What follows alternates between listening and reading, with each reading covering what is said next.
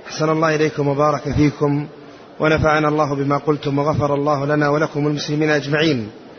هنا فائدة ذكرها السيوطي رحمه الله تعالى في كتاب الإتقان ولعلها متعلقة بالدرس.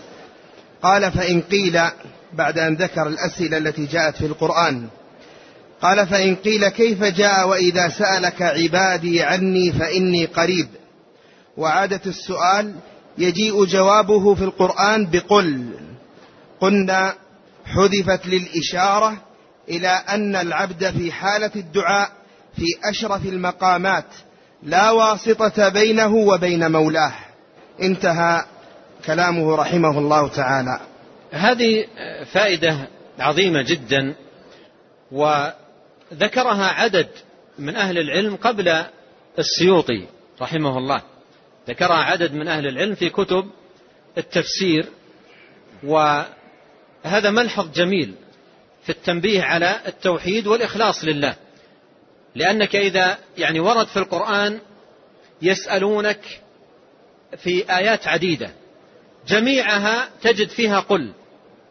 يسألونك عن اليتامى قل. يسألونك عن الأهلة قل. يسألونك عن المحيض قل.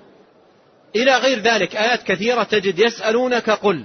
عندما جاء ذكر الدعاء قال وإذا سألك عبادي عني فإني قريب. لم يقل قل فإني قريب.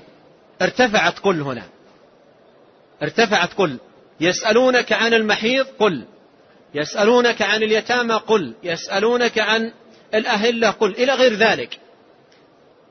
لما جاء الدعاء قال إذا سألك عبادي عني فإني. لم يقل فقل إني قريب. ارتفعت هنا قل. لماذا؟ هذا فيه تنبيه. أن الأنبياء واسطة بين العباد بين الله وبين العباد في ماذا؟ في إبلاغ الدين. في إبلاغ الدين. أي حكم يريدون معرفته؟ يعرفونه من طريق من؟ الأنبياء. الأنبياء واسطة بين الله وبين العباد في إبلاغ الدين.